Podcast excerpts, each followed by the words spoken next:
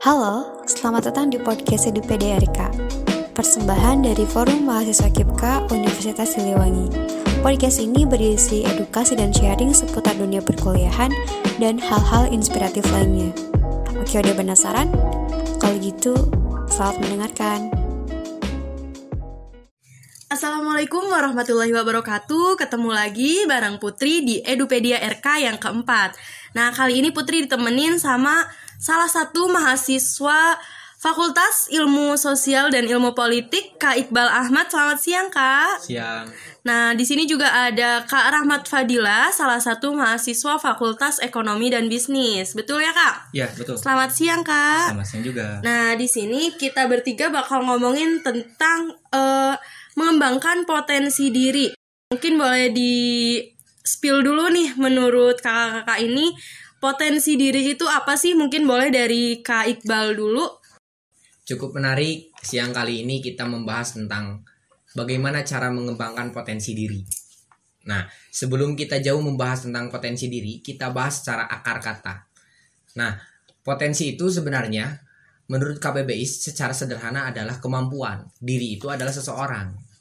Artinya, kemampuan seseorang secara sederhananya. Kalau kita lari ke kacamata eh, agama bahwa kita itu sebenarnya sudah mempunyai potensi dan potensi yang dibekali oleh Tuhan itu adalah akal. Nah, itu salah satu potensi yang pertama diberikan oleh Tuhan kepada manusia.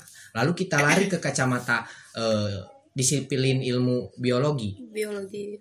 Ya, mm -mm. kalau kita lari ke kacamata itu bahwa kita itu dulu menjadi satu embrio yang berlomba-lomba dari jutaan sel mas, e, kepada e, masuk kepada sel telur. Nah, hanya kita yang masuk. Nah, artinya kita itu adalah sang juara. Sebenarnya pada dasarnya kita juga mempunyai potensi atau kemampuan dalam diri kita. Itu sih menurut saya secara sederhana apa yang disebut, disebut dengan potensi diri. Pada dasarnya kita juga mempunyai potensi. Boleh nih kalau misalnya menurut Kak Rahmat sendiri uh, potensi diri itu apa sih? Uh, mungkin untuk secara sederhana bisa dikatakan saya satu hukum dengan uh, Kak Iqbal begitu. Hmm. Tapi menurut saya potensi diri merupakan sebuah kemampuan ataupun kapasitas yang uh, di dalam diri satu individu begitu. Terlepas dari uh, potensi itu mau dibawa ke arah positif ataupun negatif begitu. Jadi tergantung kitanya sendiri nih yang mau mau dibawa ke mana nih gitu potensi kita karena setiap manusia benar gitu yang dikatakan oleh Kak Iqbal tadi itu merupakan sebuah karunia Tuhan gitu. Seperti itu. Berarti dalam artian potensi diri ini sudah ada bahkan sebelum kita menjadi bayi. Ya, benar ya. gitu. Jadi kita diciptakan oleh Tuhan tentu dibekali Tuhan tidak menciptakan suatu makhluk itu tanpa alasan begitu termasuk menciptakan manusia yang dikaruniai sebuah anugerah yang sangat besar begitu yang namanya akal dan itu merupakan suatu landasan kita untuk menggali potensi diri kita sendiri. Nah tapi sering banget nih gitu eh, nggak uh, sedikit orang yang bahwa ih udah 20 tahun nih tapi nggak tahu nih potensi diri kita tuh apa sih gitu yang ada di diri kita ya, gitu. Ya, betul, betul. Nah betul. menurut kalian gimana tuh tentang statement itu? Apakah sependapat gitu. Apakah memang banyak orang-orang tuh yang tidak bisa menemukan potensi dirinya bahkan tidak bisa menemukan jati dirinya gitu? Nah itu gimana tuh? Ya. pada dasarnya kalau kita ingin lari kepada diri kita sendiri kita harus pertama merekonstruksi bagaimana arah gerak kita dalam kehidupan. Pada dasarnya kan secara psikologi ada fase-fasenya. Nah ketika kita sebelum menginjak umur 20 tahun kita tuh harus mempunyai life mapping atau catatan diri. Nah, catatan diri itu adalah sat, salah satu uh, apa ya namanya tuh? menjadi satu tumpuan patokan, patokan untuk okay. kita mengejar sesuatu. Nah, sebelum kita mengejar sesuatu, kita harus mengenali dulu potensi. Nah, pada dasarnya kita sebenarnya harus harus paham dulu siapa kita. Nah, berawal dari pertanyaan-pertanyaan kita pertanyaan-pertanyaan seperti semacam itu seperti siapa kita, apa kita, kita mau ke mana, kita mau di mana. Nah, pertanyaan-pertanyaan itu kan akan muncul menjadi potensi diri. Kalau kita udah tahu secara dasar, maka kita akan bisa berlari secara cepat. Berarti uh, kita bisa menemukan potensi diri dengan pertanyaan-pertanyaan yang sudah disebutkan tadi. Iya, ya, betul. Oke. Oke, nah terus uh, selain sama pertanyaan-pertanyaan tadi, ada hal lebih spesifik nggak sih gitu buat buat kita teh bisa menemukan gitu cara-cara yang lebih mungkin lebih singkat, lebih mudah gitu biar kita teh lebih gampang menemukan potensi diri kita, diri potensi yang ada di diri yeah. kita. Oke. Okay. Okay. Uh, eh, kita saya jadi teringat salah satu teori teori tentang yang berkenaan dengan potensi bahwa ada tiga teori yang dapat membantu kita dari sejak uh, anak-anak gitu kan. Yang pertama, kita bisa dibentuk dari keluarga, kita bisa dibentuk dari lingkungan, dan kita bisa dibentuk dari sekolah. Gitu.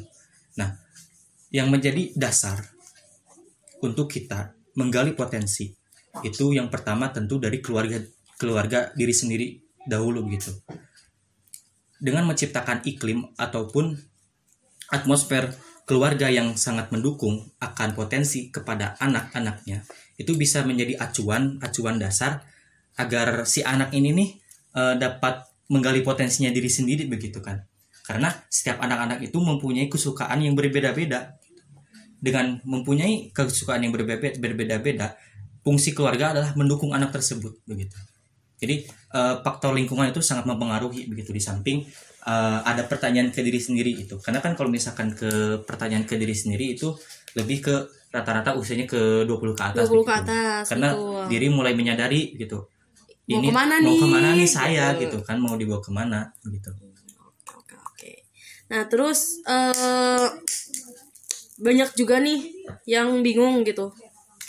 Sebenarnya apa sih gitu alasan utama potensi diri ini tuh harus banget dikembangin gitu. Oh, iya. Boleh dari Kak Iqbal dulu nih. Uh, kenapa kenapa potensi itu harus digali? Harus digali betul, harus dikembangkan, ya. digali. Ketika kita sudah punya modal, artinya kita harus mengembangkan modal itu. Kalau kita tidak mengembangkan modal itu, artinya kita juga mengkhianati tentang ketuhanan. Tuhan sudah memberikan modal kepada kita akal, uh, yang harus digunakan karena kalau kita berbicara tentang agama nih kan salah satu bentuk syukur kita itu adalah ketika kita berpikir yaitu adalah salah satu bentuk e, bersyukur kita. Makanya kalau kita tidak berpikir artinya kita tidak bersyukur. Ya kata lainnya adalah kupur nah kenapa harus dikembangkan potensi itu? Ya agar kita berjalan dalam kehidupan itu ada ada limitasi-limitasi atau batasan-batasan ketika kita tahu apa potensi kita, yeah, ketika kita tahu apa kekurangan kita, itu akan menjadi hal yang paling fundamental ketika kita berjalan di dalam kehidupan itu sih menurut saya pribadi. Kalau kita kenapa sih harus, kenapa sih harus ya? Salah satunya kalau kita lari ke kacamata agama ya harus mengembangkan modal yang diberikan oleh Tuhan si akal ini. Iya, si, si akal. akal. Sebagai bentuk rasa syukur kita, nah. kan. Oke. Okay. Nah, terus kalau menurut Kak Rahmat sendiri nih, kenapa sih gitu potensi diri harus banget dikembangin gitu selain yang udah dijelasin sama Kak Iqbal, ada lagi mungkin? Mungkin saya bisa menyebutkan tadi dari sisi kacamata agama. Mungkin saya dari segi kacamata kehidupan gitu. Tentu kita ketika beranjak dewasa, kita beranjak bertambah umur, tentu kebutuhan-kebutuhan kita tuh pasti akan bertambah begitu. Betul. Kalau misalkan kita sadar nih kita tuh mempunyai potensi, potensi diri kita tuh uh, banyak misalkan gitu. Tapi misalkan kita uh, banyak kemauan, banyak potensi, tapi banyak juga rasa malas. Nah itu akan menjadi penghambat gitu. Karena kalau misalkan kita udah menggali dan mengasah kemampuan kita alias potensi kita itu akan outputnya akan uh, bermanfaat juga gitu kepada kita seperti kita mendapatkan pekerjaan yang layak begitu uh, keluarga yang harmonis gitu kan itu bisa menjadi berpengaruh da dari sisi kacamata kehidupan kita begitu. Oke, berarti bisa disimpulkan bahwa males ini juga salah satu hal yang uh, menghambat atau apa ya istilahnya mengganggu perkembangan potensi diri, betul? Iya, iya. Nah, mengganggu. Gimana sih gitu cara ngebuang rasa males buat ngembangin potensi diri? Nah, sebelum kita lari ke sana sebenarnya pada dasarnya kembali lagi kepada pertanyaan sebelumnya cukup menarik teh. Ya ketika kita, kenapa kita harus mencari atau menggali potensi kita biar kita tidak kehilangan arah kehidupan? Nah. itu poinnya. Mm-hmm. yang kenapa harus sih gitu kan? Kenapa harus sih? Kalau tadi pertanyaannya apa tadi? Uh, malas malas itu? Uh, sebagai penghambat? Iya malas itu salah satu sebagai penghambat. Nah cara meminimalisir hal itu ya kita harus benar-benar keluar dari zona aman dan zona nyaman. Nah pada dasarnya manusia itu kan adalah manusia eh, makhluk yang bergerak makhluk yang hidup. Nah kita harus keluar dari malas dan sebagainya. Pada dasarnya musuh kita tuh bukan orang lain. Musuh kita juga bukan orang uh, bukan pesaing kita tapi musuh kita adalah kemalasan ketidakpercayaan insecure dan sebagainya. Nah itu salah satu faktor-faktor yang mungkin akan melatar belakangi kegagalan kehidupan kita. Caranya ya kita harus melawan kemasa kemalasan itu. Ya karena, kata kuncinya melawan aja. Iya gitu. Karena kan uh, dalam teori perang setuju juga kita kan kita tuh jangan dekati musuhnya tapi kenali musuhnya begitu. Implementasi dari teori tersebut ya kita uh, harus kenali diri nih gitu kan. Termasuk melawan rasa kemalasan insekuritas gitu kan. Lalu rasa mager gitu kan. Terutama usia usia kita gitu kan sebagai mahasiswa itu rasa mager itu kan sangat sangat melekat, melekat gitu kan. susah banget dilawan itu. Ya gitu. Oke berarti uh, mungkin dapat disimpulkan bahwa males, insekuritas, terus mager itu tuh harus banget kita lawan untuk kita tuh biar secepatnya menemukan potensi diri ini. Iya, ya, ya, benar, benar. Nah, Betul. apakah potensi diri ini menurut kalian nih, menurut kalian pribadi, ada nggak sih gitu? Maksudnya kalian punya batasan nggak sih?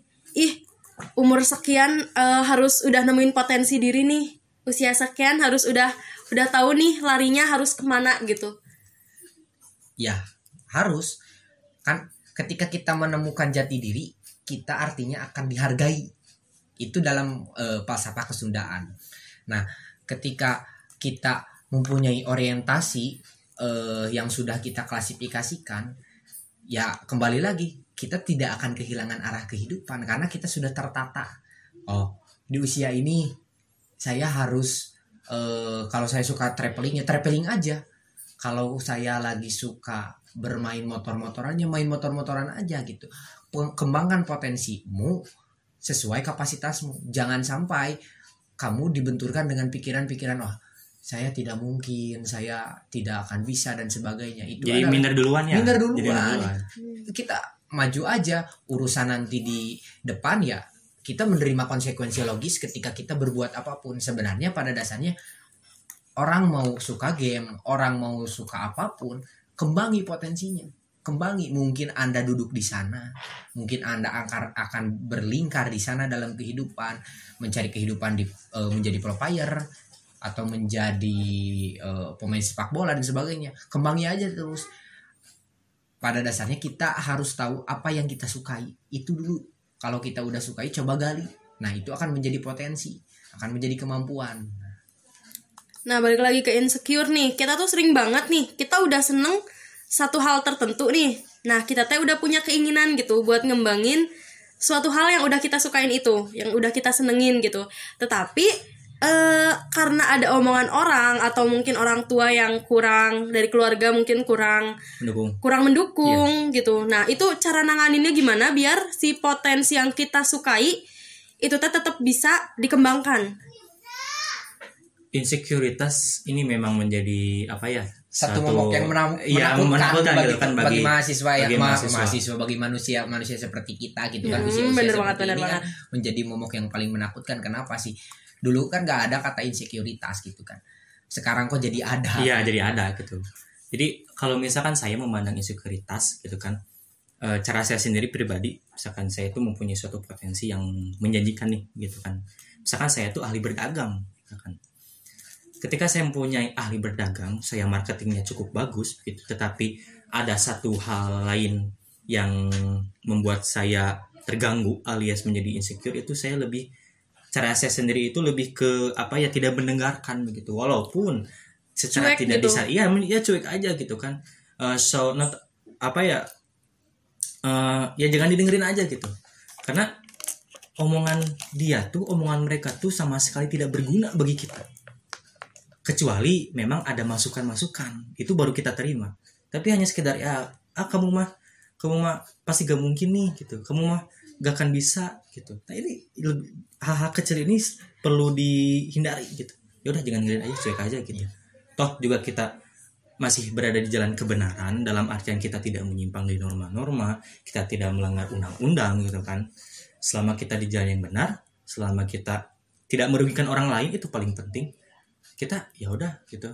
So must go on. Ya dan salah satu cara agar kita balas dendam dengan cara baik ya kita buktikan bahwa kita itu tidak sesuai dengan obrolan yang kalian pikirkan. Ataupun ketika ada orang-orang yang bilang apa mimpimu itu terlalu rendah dan sebagainya buktikan. Lalu beli obrolannya. Itu aja. Nah eh, kita tuh kan mempunyai dua tangan. Kita tidak bisa menutup, menutup uh, mulut mulut gitu. mulut orang lain kita gitu. cuma bisa menutup telinga kita yang kanan dan yang kiri udah. Dan cara menanggulangi itu ya kita harus berpikir positif kita pasti bisa kita yakin. Karena ketika kita yakin dalam hadis Nabi akan melahirkan ketenangan. Dan ketenangan Allah Allah melukiskan dalam dalam Al-Qur'an nasron ajijah. Ketenangan adalah obat yang paling perkasa. nah, kita yakin dan kita tenang terus kita juga berpikir positif lalu kita juga baca-baca uh, buku-buku yang hal-hal yang positif terus kita mendengari motivator-motivator yang mungkin ini akan mendukung potensi kita nih. Nah, ya. kita berpikir baik aja dan jangan jangan ya kata kalau kata Kak Padil tadi, jangan didengerin lah. Udah gitu cukup cukup cukup uh, menjadi cara yang paling ampuh ketika kita tidak mendengarkan. Berarti tidak mendengarkan merupakan salah satu cara paling ampuh untuk bisa melawan rasa insecure itu. Yeah. Di mana insecure ini merupakan salah satu hal yang menghambat kita bisa ngembangin potensi diri yang ada di diri kita ya kayak. Ya? ya dan betul. dan juga sebenarnya insekuritas itu uh, yang melatar belakangi insekuritas itu adalah ketika kita membandingkan diri kita dengan orang lain.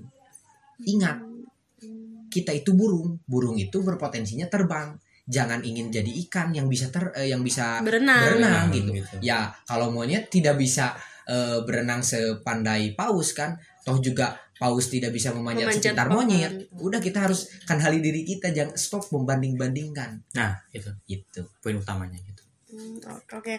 mungkin kak Padio sama kak Iqbal nih ada uh, apa ya bukan motivasi. Mungkin bisa dikatakan motivasi nih buat yang lagi ngedengerin gitu. Mungkin mereka lagi down karena aduh sampai sekarang nggak tahu potensi diri nih gitu. Padahal seperti yang sudah dijelaskan potensi diri itu sebenarnya ada di akal kita gitu kan sejak kita lahir sejak kita diciptakan. Dan bahkan uh, secara biologis juga kita itu sudah dinobatkan sebagai sang juara yeah. betul gitu. Mungkin ada nih buat yang lagi ngedengerin yang lagi down karena nggak bisa ngembangin potensi diri mungkin bisa dibantu disemangatin dari Kak Iqbal dulu mungkin boleh boleh uh, ya kembali lagi ke tadi bahwa Ingat bahwa kita itu adalah ikan.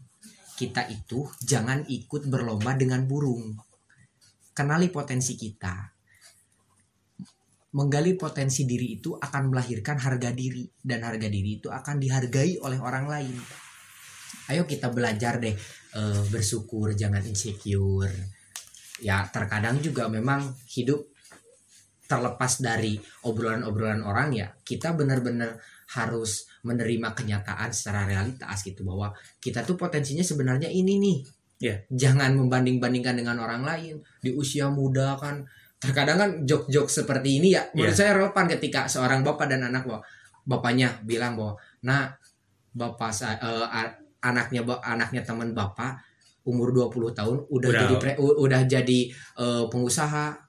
Si anaknya ngebalikin ke bapaknya pak di usia bapak pak presiden pak presiden jokowi udah jadi presiden. Kok bapak belum? Kan oh, jok iya kan jok jok seperti itu iya, iya jok seperti iya, kan? itu memang itu kan adanya komparatif kan? ya, uh, ya, ya, perbandingan gitu kan. Nah artinya keluarga juga sebenarnya jangan menjadi satu hambatan untuk uh, mengembangkan potensi anak. Ya kembangin kembangin aja gitu. Ya ya intinya bahwa kembali lagi oh, ketika kita harus tahu bahwa kita itu adalah ikan dan ikan itu potensinya berenang. Jangan ingin menjadi burung, burung yang, ingin terbang. Yang ingin berterbang. Menurut saya itu sih. Terus semangat sehat sehat-sehat uh, terus memberikan manfaat. Ya gitu. Kalau dari Kak Padil nih gimana? Ya Karena mungkin ada tambahan kayak. Mungkin tambahan dari saya uh, satu hukum dengan Kak Iqbal sendiri. Jadi bagi teman-teman yang ingin menggali potensi begitu kan yang bahkan mungkin sampai saat ini tidak tahu nih potensi diri kita sendiri itu apa gitu kan. Ya, betul. Yang pertama menurut saya uh, dalami hal yang kamu sukai gitu kan. Betul, betul. Karena kita tidak mungkin melakukan hal yang kita tidak sukai. Betul. Gitu. Karena kalau kita menekuni diri sendiri, menekuni kesukaan kita sehingga itu akan memberikan manfaat bagi diri kita sendiri yaitu mengapa tidak untuk dilanjutkan gitu seperti yang saya bilang tadi kalau misalkan kita suka berdagang kalau kita suka gaming nih gitu kan. Kalau kita suka uh, apa pun itu kan.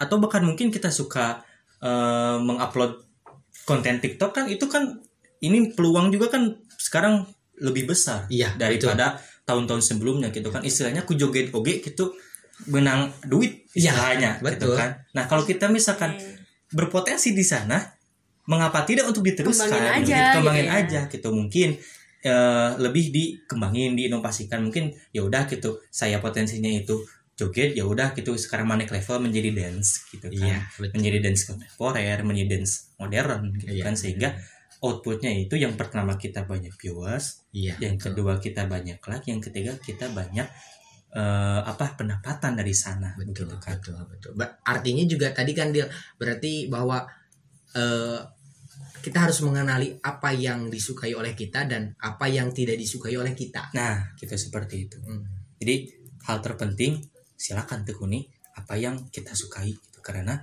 pada dasarnya kita tidak mungkin melakukan hal yang kita tidak sukai gitu. Oke, okay, berarti ini juga bisa buat tamparan, menjadi tamparan buat kalian-kalian nih yang masih ngembangin potensi diri tapi dengan keterpaksaan gitu. Yeah. Biasanya ada ya yang kayak gitu. Nah, mungkin eh, kata-kata dari Kak Iqbal sama Kak Fadil boleh jadi tamparan nih biar kalian sadar gitu bahwa potensi diri tuh merupakan sesuatu yang kita sukai gitu. Nah mungkin uh, sampai sini aja. Ini terima kasih banyak waktunya buat ya. Kak Fadil sama Kak Iqbal. Siap sama-sama Mungkin Kak Putri. Uh, next time kita bisa ngobrol-ngobrol lagi dengan tema-tema yang menarik, mungkin yang lebih menarik. Sekali lagi terima kasih Kak Iqbal sama Kak Fadil. Siap sama-sama Kak Putri. Oke, wassalamualaikum warahmatullahi wabarakatuh. Terima kasih sudah mendengarkan podcast kami. Semoga bermanfaat dan sampai jumpa di podcast berikutnya dengan pembahasan yang lebih menarik. Jika kalian suka, jangan lupa klik like, comment, and subscribe dan share ke teman-teman kalian.